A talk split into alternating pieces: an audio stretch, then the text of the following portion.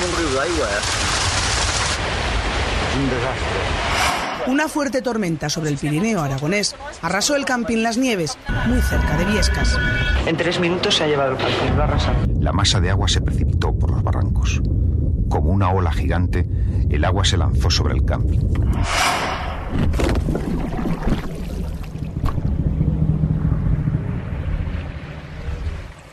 Y llegamos a los servicios, allí un montón de gente gritando y bueno, allí me refugié hasta que ya pasó.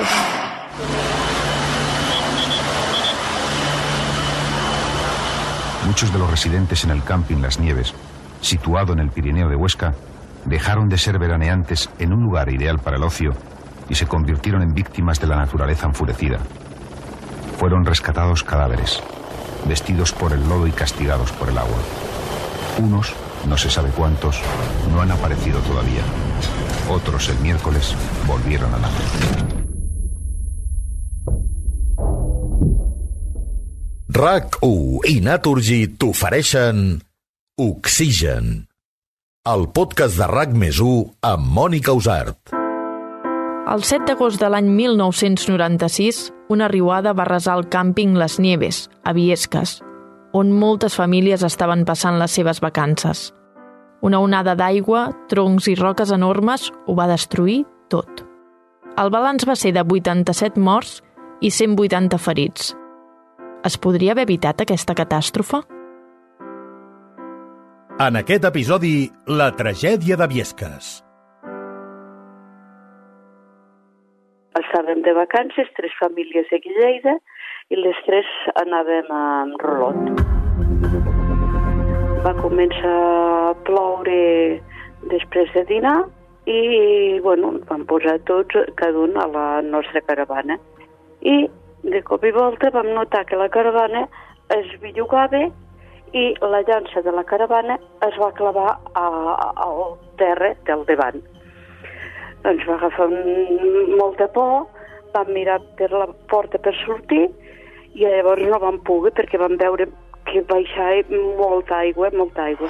Era mitja tarda quan al càmping Les Nieves, a Viesques, al Pirineu d'Osca, es va posar a ploure amb força.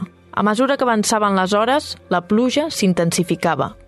Però no era una tempesta típica d'estiu. Pues mira, yo la verdad es que ese día, como siempre, estaba mirando al cielo. Eduardo Lolumo, geògraf. Porque ese era el hobby, ahora es la, la profesión.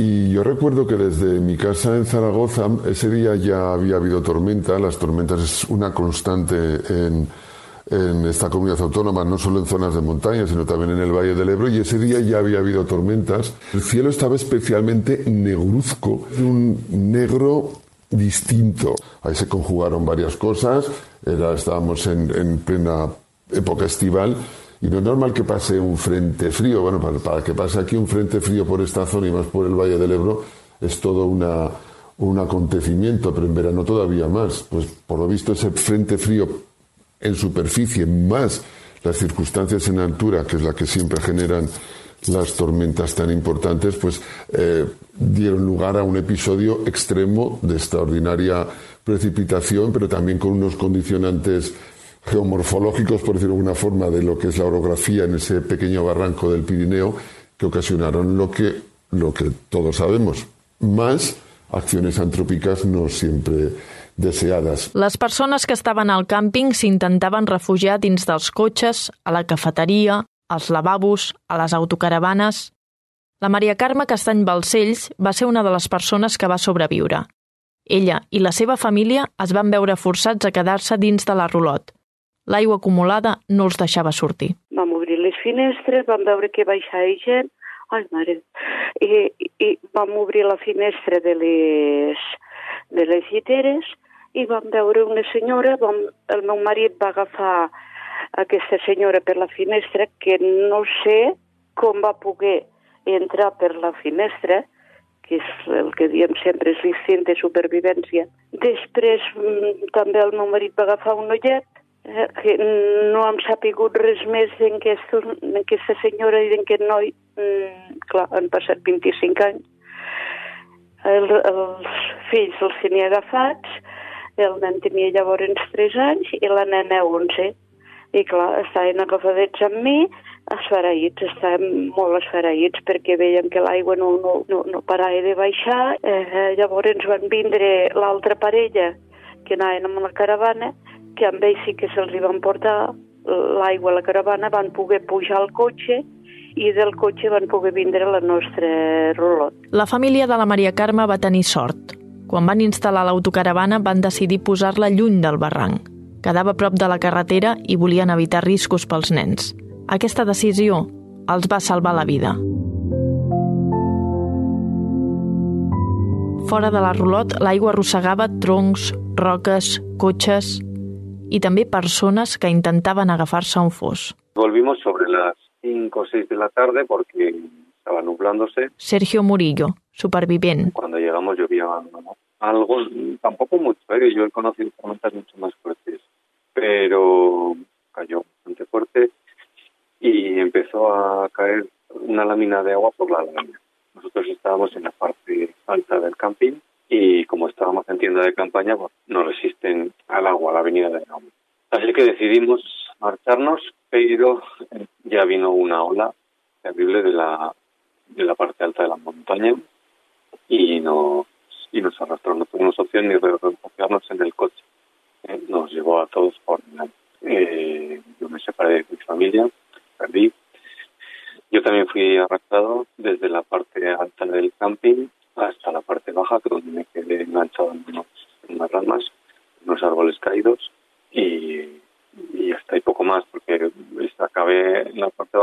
desnudo, magullado, herido, desorientado, con hipotermia, una cosa terrible. Una onada es van dur per davant el Sergio, els seus pares i els seus dos germans. De tots cinc, només va sobreviure ell. Oxigen, el podcast de RAC més amb Mònica Usart. La notícia va córrer ràpid i els periodistes es van activar de seguida. Estava a la platja, aquell dia tenia festa... Mercè Gili, fotoperiodista de La Vanguardia. I havia anat a portar també el, el meu fill amb 10 anyets que volia anar a pescar a, a casa dels meus pares. I em va trucar el meu cap de fotografia i em va dir, Mercè, a Viesques eh, hi ha hagut una inundació, eh, ha enganxat gent al càmping, jo crec que això serà molt, molt greu. Has de tirar, però ja, no tardis 10 minuts si no et cal. I bueno, pues, vaig marxar, me'n vaig anar corrents cap a casa a buscar les càmeres, vaig anar amb una jaqueteta i amb el cotxe ja de nit, perquè això pues, deurien ser les 8 de la nit, i el viatge. El viatge, el, el, sempre que penso en Viesques, penso en aquell viatge que vaig fer sola, pendent de la ràdio, el que sentia, ja començaven a dir que hi havia morts, i a mesura anava fent quilòmetres, anava ploient, ploient, ploient. La Mercè va fer el camí sola i tremolava només de pensar què es trobarien a arribar. Anava realment molt espantada, molt espantada per la feina, per poder treballar i perquè no me podia imaginar què és el que em trobaria, perquè normalment surts a treballar o marxes amb un redactor o quedes amb algú i, és clar, eh, jo tremolava, tremolava tornant-ho a recordar.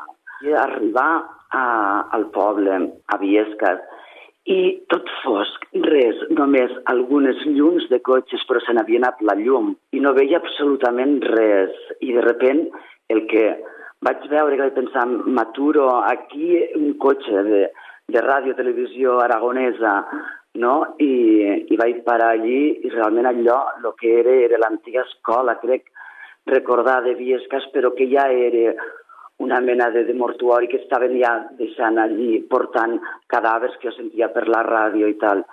I, i bueno, el, el primer dia que ja de fotos ja no em vaig poder fer a les 12 de la nit, i problemes per tot, però m'impressionava, m'impressionava. Mentrestant, els equips de rescat intentaven avançar entre la gran quantitat de fang i material que s'havia acumulat.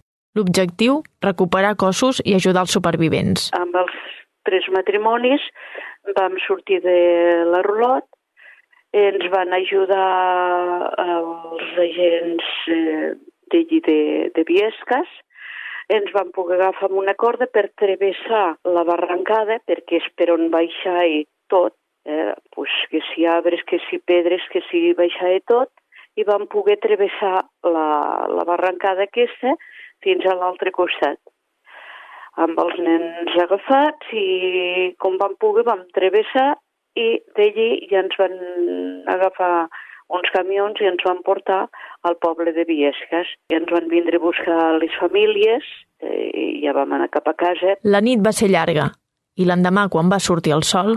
Oh, terrible, terrible. Miraves, la visió general és, és un paisatge destrossat en el qual no dones abast.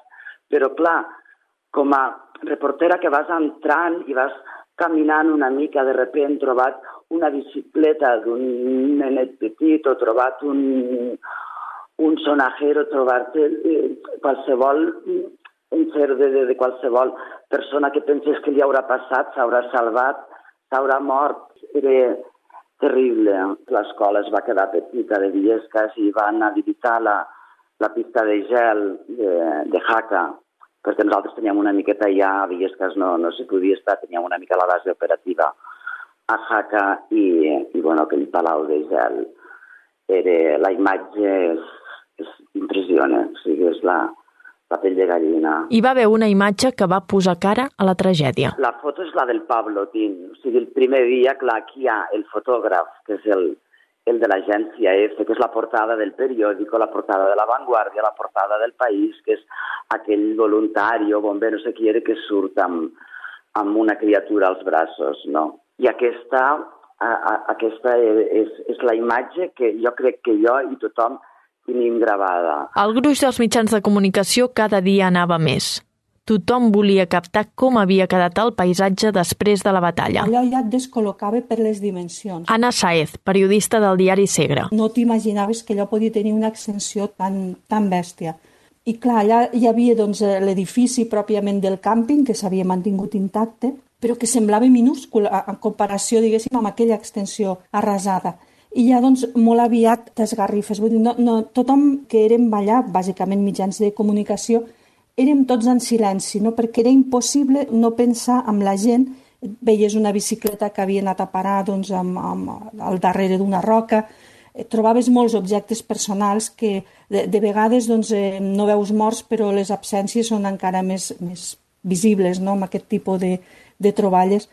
I jo recordo sobretot una, una de les coses que més em va esgarrifar és, és que hi havia un llibre molt enfangat i, i obert que era Mañana en la batalla piensa en mi de, de Javier Marías.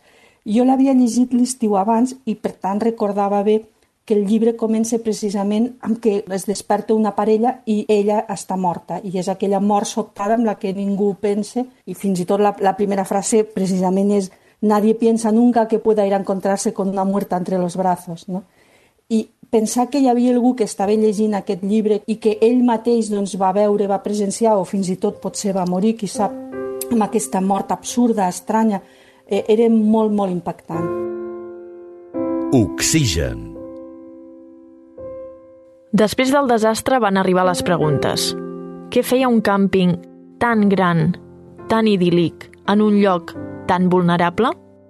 Estava mal situat o realment va caure moltíssima aigua? Han podido ver que, bueno, pues la precipitación que fue importante no se pudo medir del todo. Eduardo Lolumo. Que el único pluviómetro que había en la zona eh, estaba en Aso de Sobremonte y se desbordó. Lleno del todo y se le suponía que ya había caído todavía más lluvia, habían caído 170 litros por metro cuadrado. En un espacio de tiempo considerable, que tampoco una tormenta dura tanto. Bueno, pues desde las cinco eh, y media de la tarde hasta las eh, siete y media, por ejemplo. Aunque siguió lloviendo, ¿eh? luego más tarde, pero con más pausa. Por eso que ya no es la típica tormenta de verano. Pero es que 145 litros de esos se ha podido extrapolar que más o menos cayeron en 45 minutos, que es importante, pero vamos, no es eh, una única vez que, se, que ocurre eso en el Pirineo ni, ni en otros puntos del país. Pero realmente fueron más, bastante más. ¿Cómo se sabe que fue bastante más?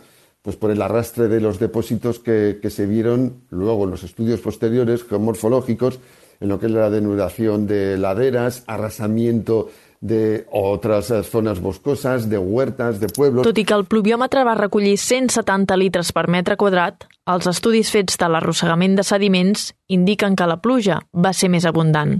Què comporta que aquesta aigua caigui en un barranc, al capdamunt d'un torrent? Ho explica Joan Manuel Vilaplana, director de l'Observatori del Georisc i membre del grup de recerca RiscNat UB. Un torrent de muntanya és una petita conca fluvial hidrològica. Es caracteritza perquè aquesta zona de recepció d'aigües pluvials, quan plou aquesta conca, té molt pendent. I al tenir molt pendent, doncs, eh, la velocitat de l'aigua que cau en els vessants i que de seguida doncs, es concentra en els canals, en els petits canals que conflueixen amb el principal, que és el torrent, que desemboca en la, en la vall principal, doncs l'aigua baixa molt de pressa. Aleshores tenim aigua que es concentra molt ràpidament a partir d'una pluja, capacitat de velocitat molt elevada pel gran pendent dels vessants i després capacitat també d'erosionar el terreny perquè en aquestes conques, petites conques torrencials de muntanya del Pirineu, estan plenes de sediments glacials. Això què vol dir? Vol dir terres, blocs, graves, còdols, que són fàcils d'erosionar. Però no tan sols la quantitat d'aigua caiguda va provocar l'onada hi va haver un altre factor que va influir en el desenllaç. Als anys 20 i als anys 40, els eh, serveis forestals espanyols van construir unes preses transversals a l'eix del torrent que en diuen preses de retenció de sediments. El que fan són unes barreres que tenen una alçada de fins a 10-11 metres, una amplada d'uns 40 metres, que fetes amb mamposteria o fetes amb pedres i, i, i morter, i la funció és que quan el torrent baixa amb terres i pedres, aquestes terres i pedres es quedin aturades a cada represa d'aquestes. I en tota la conca del barranc d'Aràs hi havia 44 preses de retenció de sediments. Quasi bé totes es van rebentar i el sediment que retenien aquestes preses es va alliberar. És a dir, que no només vam tenir aigua en la avinguda torrencial que baixava a gran velocitat, sinó que era aigua carregada de terra i carregada de blocs. Alguns eren d'ordre mètric, eh? aquests blocs eren com grans neveres o grans màquines de rentar que rebotaven i baixaven amb l'aigua fins a baix. Les preses van retenir aigua, grans blocs de pedra, arbres, fins que no van suportar més la pressió i van rebentar. Això és el que va provocar la gran onada. Todos los estudios indican que no es el sitio más adecuado para hacer un camping. Eduardo Lolumo. Pero lo que pasa es que aquí, en esa canalización, hecha en base de gradas, aún se ve, desde luego que se ve eso, también se destrozó en su parte alta, que es la parte final del barranco, que es el barranco de Aras propiamente dicho. Bueno, pues por lo visto, esas gradas de esa acción antrópica pudieron hacer, y se tiene mm, conocimiento indirecto de esto, de presa, de una propia presa en la que una o dos veces se embalsó toda el agua caída en el barranco y ahí hicieron como una especie de presa. Entonces, porque la gente, los testigos vieron que a pesar de lo que estaba cayendo, por las gradas ya, ya encauzadas del cauce propiamente dicho, eh, no pasaba agua, hasta que al final pasó. Entonces eso implicó, por lo visto, que por lo menos en una o dos veces se embalsó en la entrada de esas gradas todo, no pudo resistir la fuerza y claro, la ola que se generó tras eh, la rotura de esos diques eh, que se habían taponados por la avenida provocada por la tormenta, pues por lo menos generaron, según visto los materiales eh, depositados en los márgenes, unos 10 metros de altura del agua, pero en una superficie de unos 25 metros de largo o más. Entonces, eso implicó una cantidad de agua. No solo se explica por la cantidad de agua caída, semejante volumen que al final alcanzó el camping y el, todo el cono de deyección, porque prácticamente ahí desapareció absolutamente todo. Era prudent, doncs, posar un càmping just a la part baixa del torrent? El que es coneix com a conde d'ejecció? És la gran pregunta que els advocats, quan això es va portar a judici, doncs van posar damunt de la taula en el tribunal i és la resposta en aquesta pregunta la que va servir el jutge per prendre, 10 anys més tard, a prendre la, la decisió per imputar a les administracions, al Ministeri de Medi Ambient i a la Diputació eh, General d'Aragó. El càmping allà és evident que en aquest escenari un càmping en un conde d'ejecció d'un torrent de muntanya és una bestiesa. No hi pot ser de cap de les maneres perquè la probabilitat que estigui exposat a una torrentada és alta, realment eh, una temeritat posar qualsevol instal·lació permanent vulnerable amb un conde d'ejecció. Hi havia coneixement, però no es va utilitzar aquest coneixement i al final la situació és la que va ser malauradament. El poble de Viesques hi va parar al barranc de Betés. Allà L'aigua va arrossegar pedres de fins a 5 metres d'eix i es van acumular parets de sediments de fins a 4 metres d'altura. En aquest cas, per això, les cases de pedra típiques del Pirineu ho van resistir. Oxigen, el podcast de RAC més amb Mònica Usart. El 7 d'agost del 96, una tempesta violenta va descarregar la conca del barranc d'Aràs, a la vall del riu Gallego. L'aigua es va convertir en el gran enemic. Em va quedar molt, molt clavat que em deia l'infern no és foc, l'infern és aigua. Allò va per sobre de tot. I és aquella impotència, és sentir cridar, em deien els testimonis que sentien... I molta gent es va refugiar als cotxes pensant que doncs, era una torrentada com una altra, no? I clar, ja, allò va ser un parany mortal i, i sentir aquella impotència de que hi ha gent que t'està cridant però tu no pots fer res perquè contra aquella aigua, contra aquella fúria no, no es pot fer res, és, és, ha de ser molt dur, molt, molt bèstia. Però realment el temps no va ser el responsable de la tragèdia. La construcció d'un càmping en aquesta zona, sabent el risc que corria, va ser la gran imprudència. Què ha canviat respecte a aquell moment en 25 anys? Ha canviat una cosa molt important, que és que ara tenim, tant a nivell estatal com a nivell de Catalunya, tenim lleis que no permeten construir assentaments vulnerables, ni edificacions ni vivendes, amb zones inundables, amb zones de risc d'inundació d'un determinat nivell. Ara no podem no només no edificar campis en aquests escenaris, sinó tampoc urbanitzar, tampoc posar cases, vivendes en zones inundables. El problema que jo sempre denuncio és que això és perfecte, això s'havia de fer, però com que això no és retroactiu, tot el que tenim anterior en aquestes lleis amb zones inundables ho seguim tenint. Per tant, segueix estant exposat al risc i necessitem fer un esforç de revisió i d'actuació d'aquests eh, aquests elements vulnerables que estan en zones inundables, siguin càmpings, siguin vivendes, però càmpings n'hi ha, eh? Càmpings n'hi ha.